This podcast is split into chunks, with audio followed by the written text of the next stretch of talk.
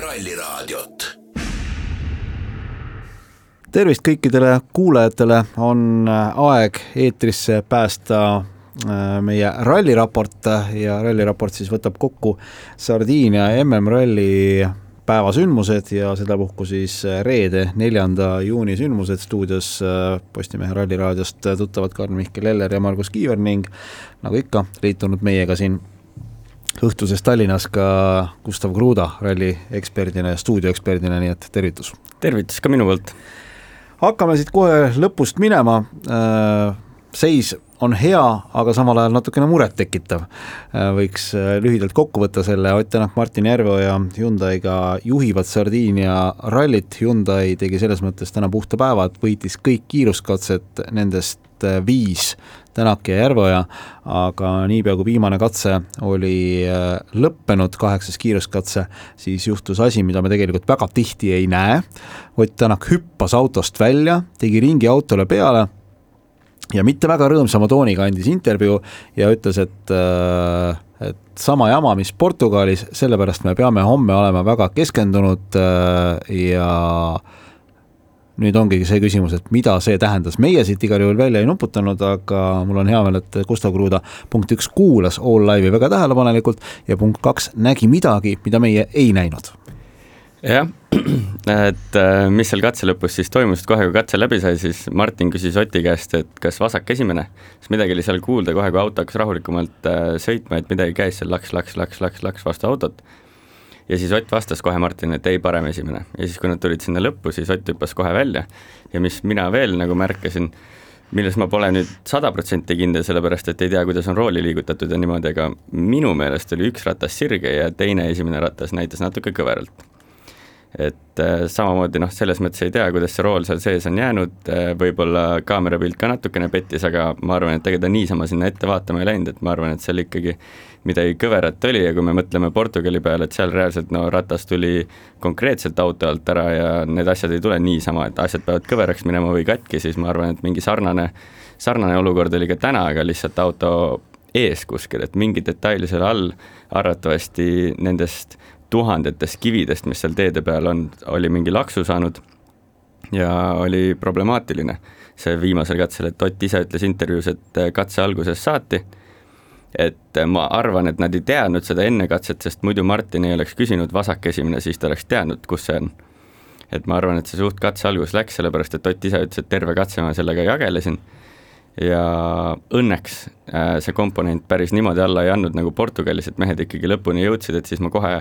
kodus mõtlesin ka, et ikkagi see palvetamine tuli kasuks ka, et ikkagi ma kindlasti mõtlesin kodus selle peale, et enam ei muretse selle pärast, et kas mehed teevad mingi sõidueksimuse või midagi, vaid pigem on mure see, et jumala eest seal ükski ratas alt enam ära ei tuleks, et sai nagu natukene lisapalvetatud ja ma arvan, et mehed ise ka natukene palvetasid ja seekord äh, vedas tervisena välja. no kui me tulemegi selle Oti lause juurde tagasi, et äh, sama jama, mis Portugalis, et tulles nüüd selle juurde tagasi, ega me täpselt ei teagi, mis seal Portugalis kokkuvõttes oli, me nägime, mis juhtus, aga jällegi siiamaani ametlikult ei öelda, ilmselt ei öeldagi kunagi, et see on yeah. nagu viiekümneks aastaks salastatud nagu riigi kaits-, riigisaladus, et, et mis siis tegelikult juhtus, et et praegu me oskame ainult oletada põhimõtteliselt. jah, ega põhimõtteliselt äh, nii palju, kui me kõik nendest autodest teame, siis need rattad on seal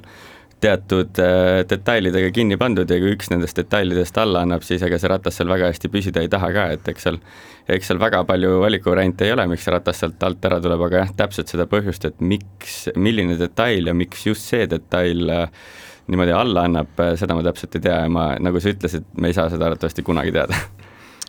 no nüüd on jah, selles mõttes äh, põhjust loota jah, et, et kenasti ühest tükiks sinna Olbiasse Service Parki jõutakse, ma usun, et see maantee osa nii hull ei ole, et äh, tõepoolest tänased katsed olid ikkagi kohati väga-väga kivised ja mm -hmm.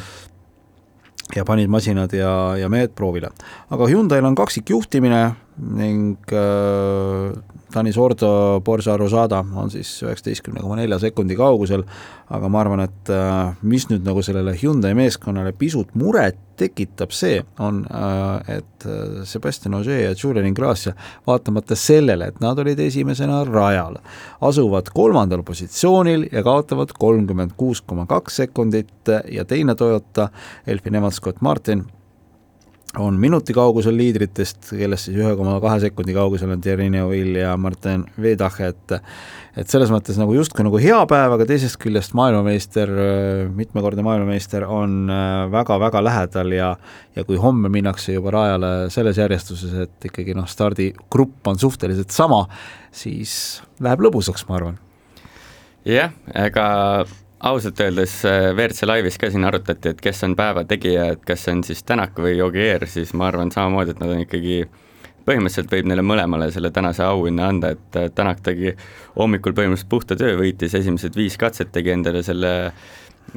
väikese, noh, mitte väikese, vaid päris korraliku vahe sisse ja kontrollis lõpus seda vahet ja kontrollis, et auto püsiks koos siis Sebastian Ogier ikkagi sealt esimesena rajalt minnes nendele katsetele, ma arvan, et videopildis ka paljud fännid märkasid, et no ei ole normaalne. ei ole normaalne, et sa lähed esimesena rajale, kus sul on ikka libe ja ta usaldas nii hullult seda autot ja seda pidamist ja ta oli kogu aeg piiri peal ja ma arutasin päeval oma vennaga ka, et kui saaks kunagi teha sellise võistluse, et kõik mehed stardivad ühel katsel esimesena, et kes on kõige parem raha, rajapuhastaja siis ma arvan, et Sebastian Ogierile on ikka päris keeruline vastu saada. sellepärast, et äh, no ikkagi suu jääb ammuli vahepeal seda nagu onboard'i vaadates, sest see on täiesti pöörane ja kui me vaatame seda statistikat ka, et sealt tuleb Evans ja Newvil tulevad tagant, kellel on puhtam äh, nagu puhtam katse, ehk siis nendel on juba ära puhastatud ja nad ei saa Ogierist jagu ja Ogier tuleb lõppu, ütleb, et mul oli nii libe, et kõik sellised kohad saan veel paremini. Et siis jääb ainult küsimus, et, et kui ta tuleks täiesti seal taga, et kui ta tuleks Sordo positsiooni peal, et kas siis me näeks Ogieri dominantset ralli juhtimist või kui ta tuleks Oti positsiooni peal. aga noh, see on kõik oletused ja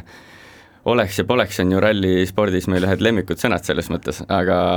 aga ikkagi Ogieri ees tuleb täna võtta müts maha ja olla nii vähe tegelikult liidrites maas Sardiinia rallil, mis on ikka ülikeeruline ralli, mida puhastada ka, ja ei ole nagu täna kõik katsed olid sõitjatele nagu tuttavad ka, teine ring oli tuttav, esimene ring oli ikkagi väga palju seal uut ka.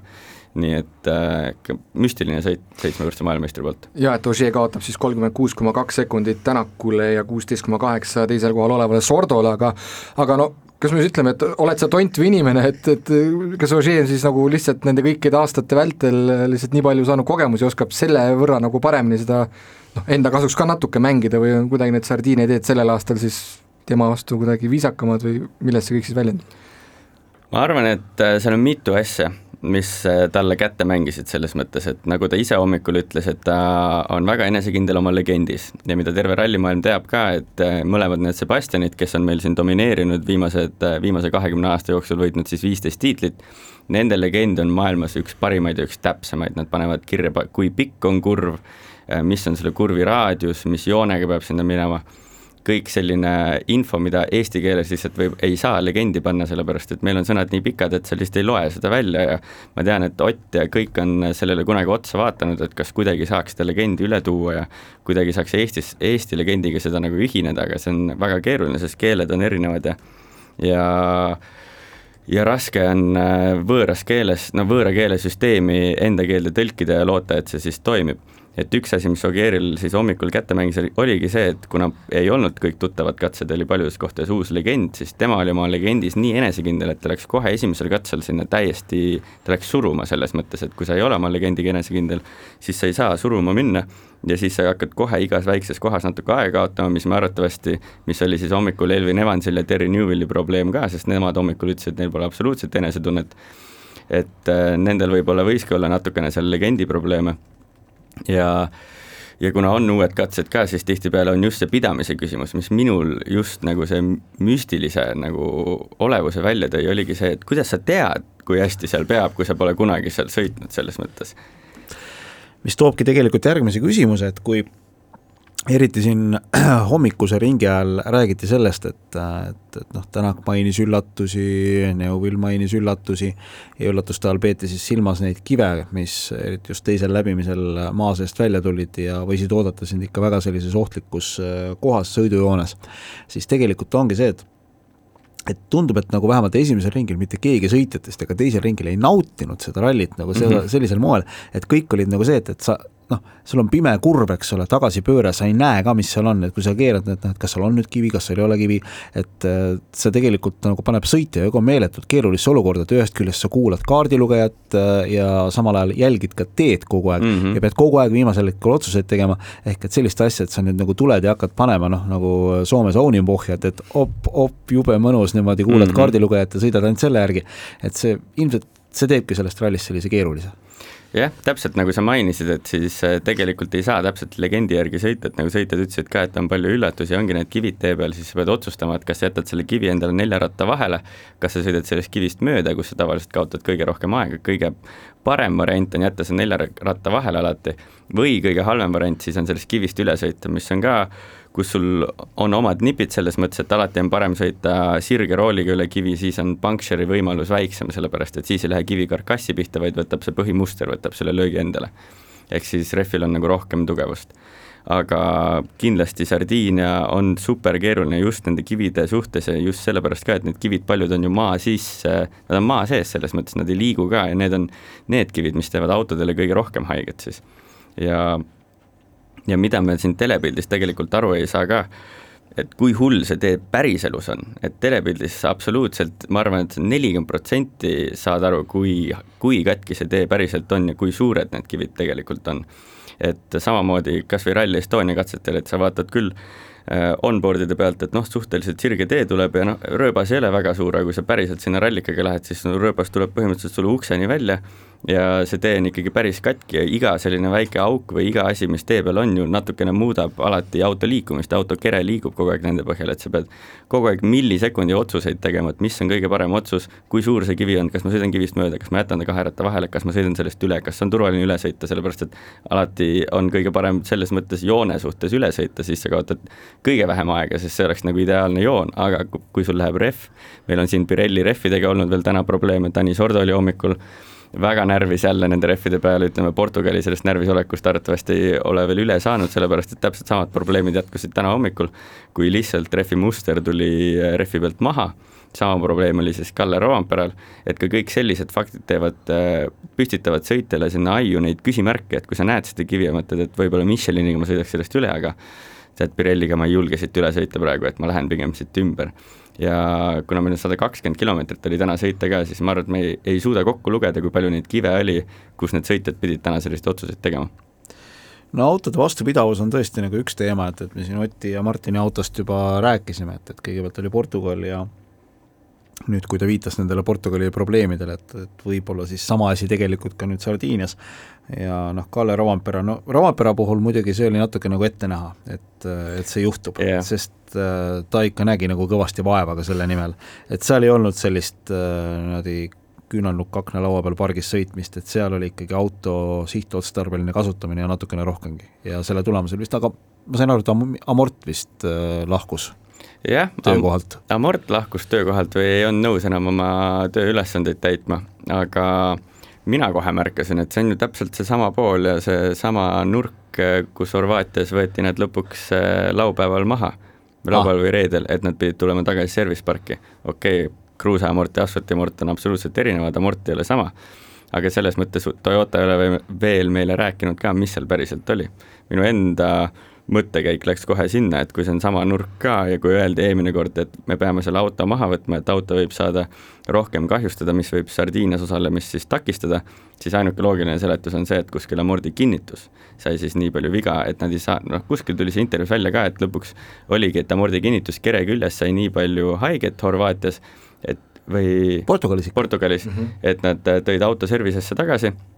et muidu oleks pidanud selle autoga lendama Soome, et panna see kere pinki ja siis Sardiiniasse ja siis ei oleks lihtsalt seda autot võib-olla suudetud kokku panna õigeks ajaks. ja nüüd, kui nad, siis minu loogika läkski kohe sinna, et siis järelikult see amordi kinnitus seal kere küljes ikkagi oli piisavalt väsinud, et nüüd, kui me siia Sardiiniasse tulime, kus auto võib-olla saab natukene siin tugevamaid lööke ja ja need kivid on just sellised võib-olla rahvimad inglise keeles öelda et siis äh, lõpuks see amordi kinnitus lihtsalt andis alla. Kas tohin siit meelevaldse järelduse teha, tulles nüüd tagasi Oti ja Hyundai selle ka vedrustuse probleemi juurde, et et kas siis, kui, kui me praegu vihjame sellele, et Roomperel oli nagu välja juurimata probleem, noh, jäänud nagu lõpuni lahendamata, kas siis Oti see Hyundai asi võib midagi nagu säärast siis olla, et, et see et Portugalis oli ka midagi ja kui nüüd juba vihje oli, et Portugali midagi sarnast, et see on mingisugune asi, mida lihtsalt nii kiirelt nende kahe nädala jooksul ei jõua nagu nii kõvasti parandada ma arvan, et Otil on lihtsalt sarnane probleem, aga mitte, mitte selline probleem, mis on Portugalist tulenev, selles mõttes, et praegu meil oli ka probleem äh, esimeste ratastega, siis esimese paremaga ja Portugalis meil oli tagumise paremaga, et äh, ma arvan, et sealt see nii-öelda nagu üle ei kandnud, nii-öelda nagu Rovanperel võis kanda, ega ma Rovanpere olukorda ka sada protsenti ei tea, see on kõik minu teooria ja oletus, aga tundub loogiline selles mõttes faktidele otsa vaadata. eetris on nüüd maha hõisatud, et selles mõttes. aga ei no kui ma praegu see, jäin mõtlema selle peale, et Otil nüüd oli parema esimesega probleem, Portugalis oli parema taga, tagumisega, siis kui mina sõitsin, oli kogu aeg äh, selline lugu, et mul paremad rehvid kulusid rohkem kui vasakud rehvid, ehk siis vasakutes kurvides, kus kaardilugeja on siis nagu kaugemal, sai natukene kõvemini sõidetud, siis ma mõtlesin ka, praegu tuli lihtsalt niisugune mõte, et äkki Ott tunneb ka ennast vasakutes kurvides natukene tugevamalt, kus kus saab võib-olla natuke rohkem surveda, saab sealt mingi löögi, aga ei, see on kõik äh, kõik anekdoot. jäin, just nagu mõtlema selle peale, et sa rääkisid ka, et, et noh, et, et oleks nagu Rovanpera auto puhul oleks kere lennutatud siis sinna Kesk-Suomi Puupalasse, tegelikult nüüd juba Jyvaskylasse, Puupalast minu teada on tiim ära kolinud, et äh, nüüd on Jyvaskyla külje all on selline suurem, suurem elamine neil.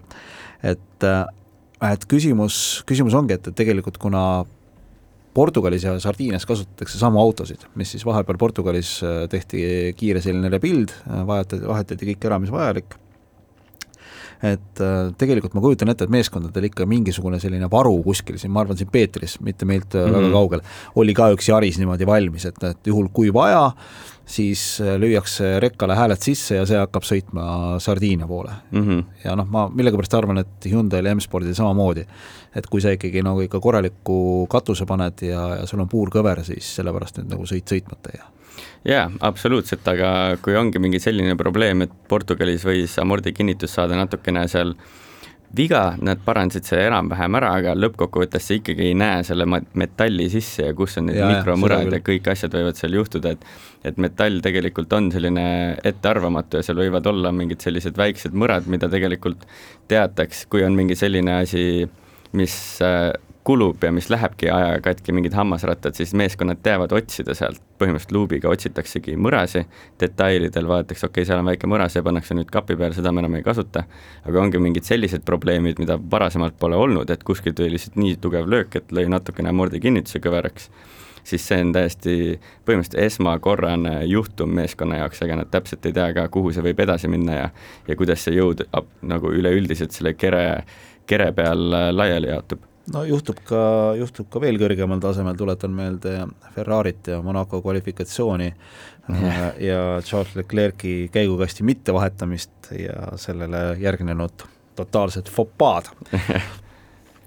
aga Kalle Roomperast rääkisime, ilmselt homme aga vot ei tea, äkki on homme stardis, võib-olla ei ole. võib-olla ei ole, ega ma täpselt seda ei tea, et kui seal Keren M-spordi autod viidi kohale, aga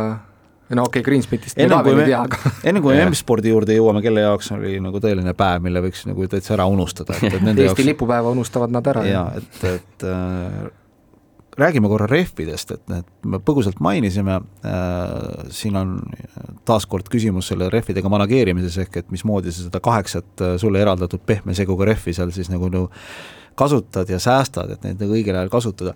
ja tegelikult hästi huvitavaid lahendusi nägime, et olidki need, kes läksid kolm-kolm äh, lahendusega välja, kasutasid siis kolm äh, ühte segu ja ühte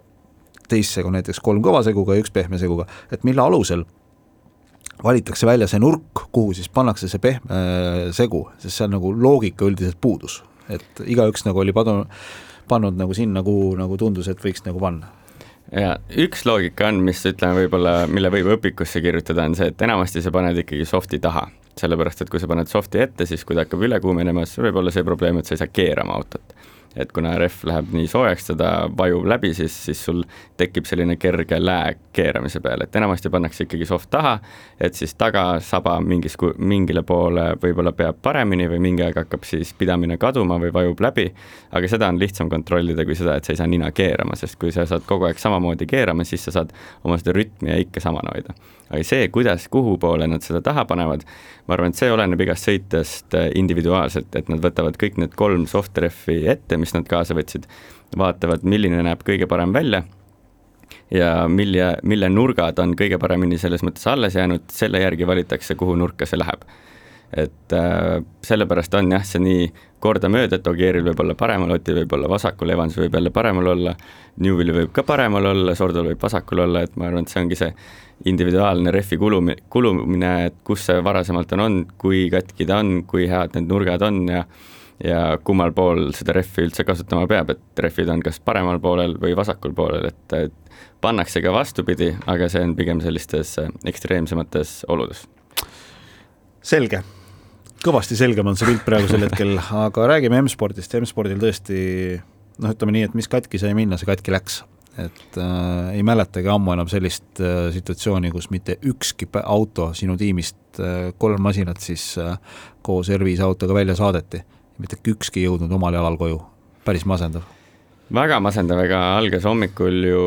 kohe, ma arvan, et kõige masendavamalt, kui Teemu Suninen üle pika aja jälle WRC autosse istus ja tegelikult suhteliselt sellises süütus kohas oma auto siis sinna külje peale keeras, et et ma ei saanudki ausalt öeldes nagu aru, et ta nüüd siin intervjuus rääkis, et ta tõmbas käsipidurit ja käsipidurit tõmbas, suri auto välja, mis muidugi ei tohiks juhtuda selles mõttes, et auto ikkagi peab toimima, kui auto ja ei toimi. seda viitas ka Soome Rahvusringhäälingus Miika Antila juba yeah. ennem seda intervjuud. jah yeah et äh, sul on ikkagi vaja, et rattad veaks, et kui sa saad gaasile minna, siis auto põhimõtteliselt ise tõmbab ennast kurvis kogu aeg sissepoole ja kui sul rattad põhimõtteliselt veerevad vabalt all, siis sul ei toimugi mitte midagi ja lähedki sinna kraavi külje peale. aga äh, selles mõttes me oleme näinud täna veel mingeid selliseid väljasuretamisi just selle käsipiduri pärast, just Takamoto Katsuta on võib-olla siin neli-viis korda täna seda autot välja suretanud just selle käsipiduri pärast. mitteametlik rekord. jah, aga no temal olid kõik pigem sellised mahapöördekohad, kus äh, autopöörded langevadki nii madalale, et võib-olla peadki siduriga natukene päästma. aga Suninil oli mingi saja kilomeetri tunnis koht, ehk siis seal kindlasti autopöörded nii madalale ei lange, et auto peaks niimoodi välja surema. et võib-olla seal mingi anomaalia on, aga aga ausalt öeldes, kui me vaatame seda siseveduat ka, siis Teemu oleks kindlasti saanud varem pidurdada ka. sellepärast, et teised härrad ikkagi natukene varem läksid seal piduri peale ja kui me vaatame veel seda Teemu splitte, siis Teemu tuli ikkagi suhteliselt rahulikult. ja kui me vaatame nüüd, et ta ikkagi seal pidurdas natukene hiljem, siis see ei olnud rahulik pidurdamine selles mõttes. ehk siis seal ikkagi võib-olla võis olla ka natukene mingi error autos sees. aga okay. noh nagu ka teiste asjadega rallimaailmas, ega me seda lõplikut vastust arvatavasti mitte kunagi teada ei saa. et nii palju võime sisevideost, sisevideotest analüüsida, kui me saame, aga eks me kunagi ei tea seda ka, et kui see auto ei oleks välja surnud, et arvat-, võib-olla ta oleks sealt täiesti vabalt välja tulnud ja olekski võib-olla tulnud kõige paremini hoopis seda kurvi välja, et et kindlasti väga palju siin agasi on ja kõige kahju, kõige rohkem kahju ongi lihtsalt sellest, et kohe see seal esimesel katsel juhtus, sellepärast et M-spordi mehed ei saanud enne seda rallit testida ka. ja Sunninen tuli põhimõtteliselt seitsmekuuse pausiga jälle jah. kruusa peale ja pidi hakkama seal siis jälle aru saama, kuidas selle WRC autoga sõita, kui sul on kesktiffer ja aerodünaamikat natukene rohkem, et teine rehv ka. teine rehv ka, täpselt, eriti WRC auto all, ta ei ole ju seda saanud proovida ja et äh, kindlasti see ka kõik võis ajudele käia ja täpselt, et kui oligi seal natukene võib-olla hetk hiljem pidurdusmaad, siis see võib olla ka täpselt kõik sellest, et tal oli lihtsalt nii palju informatsiooni seal peas, mida kõike pidi siin täna hommikul kohe vastu võtma, et et võib-olla jooksiski natukene overload'i, aga aga need on kõik oletused ja teooriad selles mõttes, et seda meile, meile ju meeldib siin jaa, see on, see on meie tugevam külg. ja, ja siis me olemegi sellepärast selles seisus, kus parim soomlane on kaheksandal kohal Jari Huttunen kogu, kogu selle karavani peale. et ta on Esa-Pekka Lappi olnud, on ju nüüd Rally kahega sõites, aga, aga seda, et oleks nüüd aga ka Horvaatia rallil, kui kõik soomlased siin äh, ära katkesid, siis ju soomlased ütlesid ka, et nüüd on Takamoto Katsuta on meie soomlane, sest ta on põhimõtteliselt viis aastat Soomes elanud, nii et põhimõtteliselt on meie soomlane. sellega, sellega on korras, jah. ja Adrian Formeau ka, noh, seal oli ilmselgelt natuke liiga palju hoogu selle yeah., selle kurvi jaoks, et äh, seal vasakkurvis äh, vajus, vajus välja ja sinna ta kinni jäi ja ja ei, tegelikult selle põhjus oli ikkagi ennem kurvis olnud kivi, millele yeah. ta pihta sai. ta oli hoogu nii just, palju, et ta oli hirmus, ronis liiga sisse, seal oli maakera suurune kivi, mis selle ratta põhimõtteliselt alt ära rebis. ja, ja kuigi nad proovisid tal alguses välja saada, siis see välivideo on, välisvideolt on näha, et no no ratast tilvendas selle, see, see ei päästnud kuskile. ja Gus Greensmith öö, oma vana uue kaardilugejaga Stewart Lowdoniga, siis jäid käigukasti probleemide tõttu, ma sain aru, et siis käigukast vist oli hakanud lekkima, et see mm. õlihaisu oli terve auto täis olnud ja siis üritasid ka seal viimasel katsel veel natukene liikuda, aga aga lõppes ka nende ralli, nii et selles mõttes äh, neil on tõesti nagu restart äh, homse päeva osas jah, M-sport võib öelda, et homme on ralli esimese, esimene päev selles mõttes, et neil ikkagi täna kukkus see päev absoluutselt läbi ja ja juhtus kõike selles mõttes, et Formeau tegi konkreetse sõiduvea, Suninil oli võib-olla siin emba-kumba ja Greensmithil oli siis konkreetne tehniline viga, et et äh, kõike, mida maailm pakub, kõik võeti vastu ja ja ega see Sardiinia selles mõttes on väga keeruline ralli, et kõik sellised tehnilised probleemid ongi noh, kõige tõenäolisemad just seal Sardiinias toimumas, sellepärast et ega temperatuur oli ka täna ikkagi väga kõrge, et mehed sõitsid seal kolmekümne kraadi sees ja mis mõjutab siis kõiki rehvi ja auto toimimist ja miks nad äh, katse lõpus neid intervjuusid ka väga ei taha anda, on lihtsalt sellepärast, et auto hakkab nii hullult seda kuuma endale üles kütma, et ta võib kahjustada saada. ja ega me tegelikult ei tea ka, et kas Kassile iseenesest meeldis täna neid intervjuusid vahepeal anda küll maru pikalt, et kas mingid sellised asjad võisid ka seda mõjutada, aga aga ma pigem arvan, et see, see nii suur mõjutus ei ole, et pigem ikkagi need kõik tuhanded ja sajad ja kivid, mis seal tee peal on ikkagi, mis vastu seda autot käivad ja raputavad ja põrutavad, ma arvan, et neil on kindlasti suurem roll selles probleemis nii, ma ise mõtlesin, kas me vahepeal piilume homsesse päeva ka või me tahame veel rääkida meie meestest ka WRC kahes, WRC kolmes? jaa, ikka käime, käime meie poisid ka läbi, sellepärast et ma arvan, et me siin Taani Sordo, Thierry Neuville'i ja Elfin Evansi esitusel vii-, liialt pikalt peatuma ei hakka, Sordo teeb taaskord seda, mida tegema peab, mida tegema peab ja teeb seda väga hästi. et me siin eelmine kord ka sinuga rääkisime ja ma korra mõtlesin ka, et ega tegelikult nagu Sordol selles mõttes noh, mõtled küll, et on selline väga chill, et, et, et teed mõned rallid hooaja jooksul kaasa, mis sulle meeldivad või ütleme nii, et, et mis sulle võiksid meeldida, aga ikkagi tegelikult see on päris keeruline, et see on nagu pärast pikka pausi istud jälle autosse ja hakkad jälle sõitma ja, ja tegelikult ja, ja sa ei, sa ei sõida üldse halvasti mm. -hmm. see ongi nagu tegelikult Sordo puhul, et et ma just äh, täna hommikul lugesin äh, David Evansi äh, arvamuslugu sellel teemal ja ta väitis, et Sordo on hetkel oma elu parimas vormis, et sel ajal, kui ta lööbiga koos sõitis, ta ei olnud sellises vormis. täna ta on niisugune vend, kes võib tulla ja võib rallis Eestis võita, kui sa oleks mulle rääkinud, ma ei tea,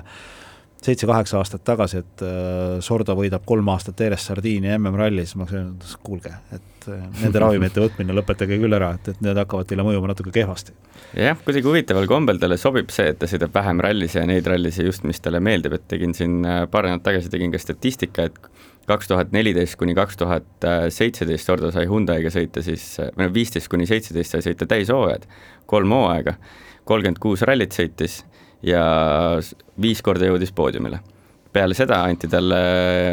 nii-öelda poolik programm, kus ta sai umbes viis-kuus rallit aastas sõita, siis äh, see on siis kaheksa, kaks tuhat kaheksateist kuni kaks tuhat kakskümmend üks kestnud, ta on sõitnud kakskümmend rallit, kahekümne ralliga viis poodiumit ja kaks võitu, katsevõite on ka põhimõtteliselt kümme katsevõitu on rohkem, aga kuusteist rallit vähem on sõidetud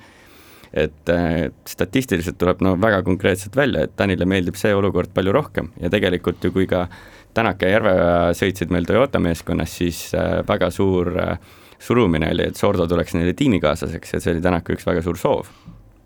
aga, aga ei mida, läinud nii? aga ei läinud nii ja just sellepärast, et Toyota pakkus Sordole täishooaega ja Sordo ütles, et ei, ei, ma tahan poolikut hooaega ja see Toyotale ei sobinud. noh, ja nüüd ongi olukord selline, et töökoha sai Toyotas Chris Meek, äh, kes praegusel hetkel siis on ka Sardiinias kohapeal, tõsi, WRC kommentaatorina yeah., räägib sellest, kuidas Tanis Ordo on teisel kohal yeah,. huvitavad, huvitavad äh, käigud siin elus. räägime eestlastest, Georg Linnamäe ja Tanel Kasesalu äh, noh, ütleme nii, et, et said sellise päris korraliku hoo üles ja siis väljasõit ja nagu ma aru saan, vist mindi seal Georgi poolse küljega puusse ja õnneks vist sõitjad on korras ja nüüd vist oligi nagu selline, igaks juhuks tehakse tšekk seal ära, et, et kas saavad homme jätkata, mul puudub ka info praegusel hetkel, oled sina Georgiga suhelnud, et homme niimoodi tasakesi, aga ma lihtsalt küsisin põhimõtteliselt, et kas meestega endal on kõik korras ja noh, lihtsalt, et põhimõtteliselt tuju hoida üleval, sest ma ise tean seda tunnet, kui sul Mm. rallid katkestad, siis see on, see on nii kohutav tunne, see on no, no põhimõtteliselt ma ei ütle, et see on nagu sama umbes, et kui keegi ära sureb, aga on lihtsalt no näide, et kui keegi, keegi tegeleb leinamisega, siis sul ei ole talle midagi öelda, mis seda olukorda paremaks teeb. ja siin on põhimõtteliselt sama,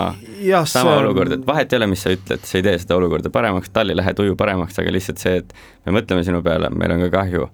ja küll tulevad paremad ajad. jah, see on umbes sama, et kui sa oled nagu suht kehva diagnoosi saanud ja su käest küsitakse, et no mis tunne on alloo.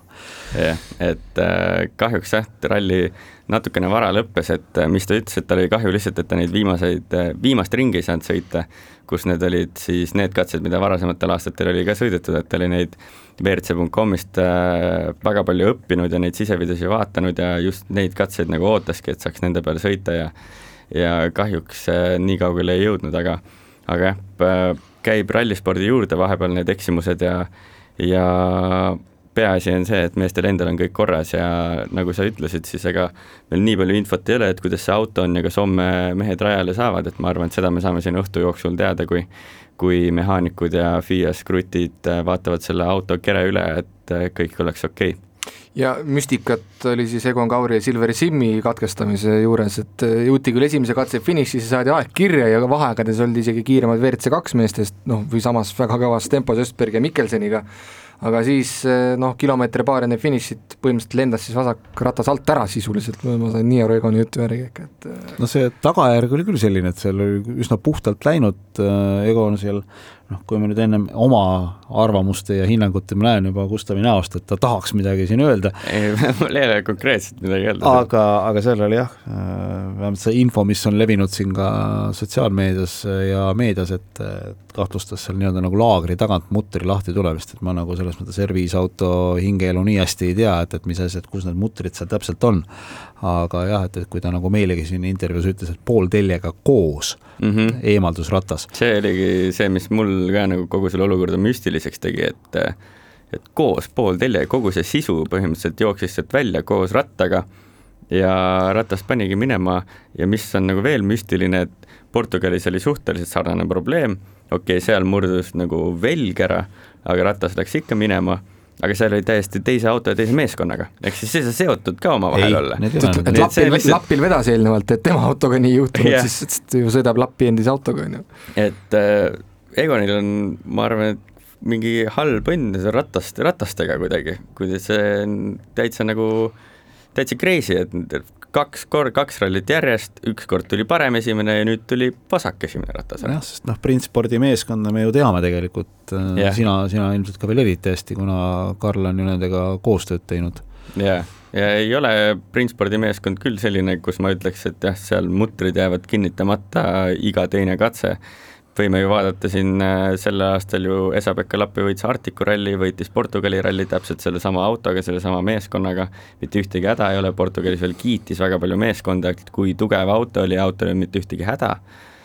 et äh, kas, kas me võime siin nagu ma ei tea, meelevaldselt tõmmata selle paralleeli, et noh, loomulikult me teame, et ka seesama auto oli Portugali stardis, loomulikult me teame seda, et see võeti ka tükkideks lahti printspordi poole pealt, ega seda vahepeal Soome pole toodud, see on samamoodi mm -hmm. seal Euroopas äh, ringi reisinud.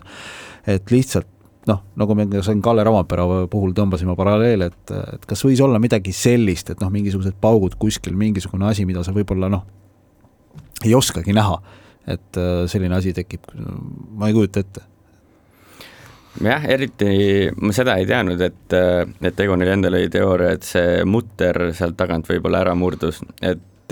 kui seda kuulata ja mõelda selle peale, et okei okay,, jah, autodele tehakse full rebuild, aga kui palju, autol võib-olla kõiki mutreid küll ära ei vahetata, selles mõttes, et pigem vaadatakse otsa suurtematele detailidele ja mutrid peaks ju püsima küll.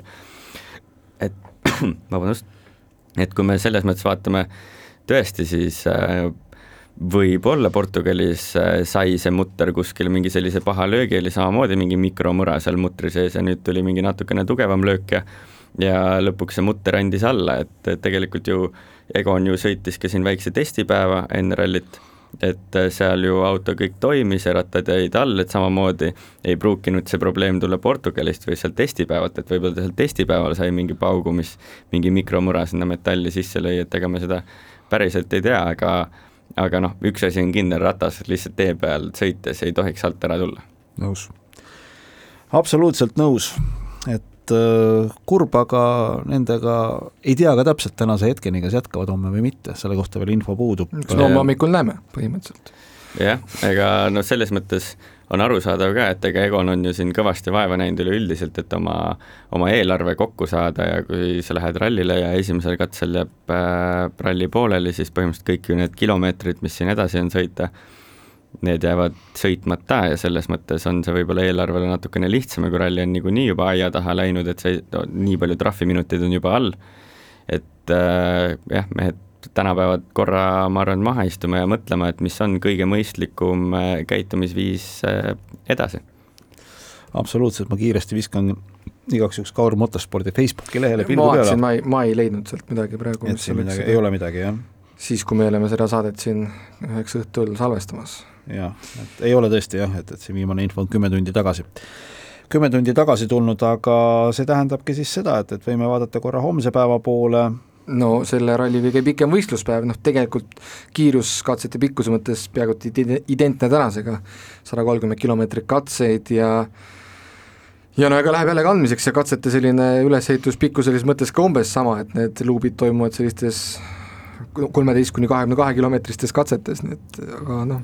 eks ja. ikkagi hoopis teistsugune päev kindlasti. aga no homme on selles mõttes sarnane, mis oli ka täna, et äh, sa sõidad äh, ühes ringis mm -hmm. sõidad kaks ja kaks, selles mõttes, et sul vahepeal seda service pausi ei ole, mis on ka väga oluline selle ralli suhtes, selles mõttes, miks ka võib-olla Ogier täna oli väga tugev, oli see, et kui tavaliselt sa sõidad esimese tiiru ära ja sa tead, et teine tiir on kindlasti raskem autole ja rööpad on suuremad ja kivi, kive on rohkem, siis sa service'is arutad inseneridega, jah, tõstame kakskümmend milli eest, tõstame kakskümmend milli tagant, paneme võib-olla natukene jäigemaks seda autot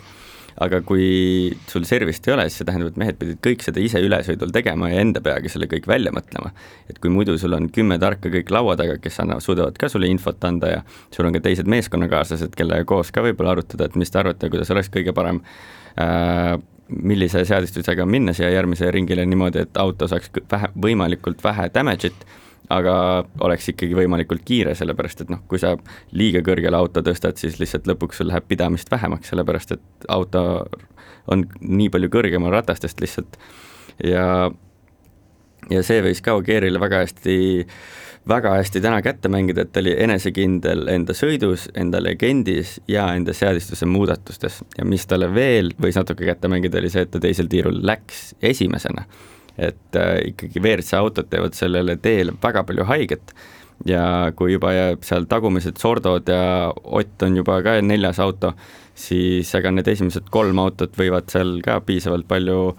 seda teed veel rohkem katki teha, et meie meestele, Hyundai meestele võis siis olla selles mõttes veidi keerulisem, aga ütleme, homme läheb kogu see mäng edasi ja, ja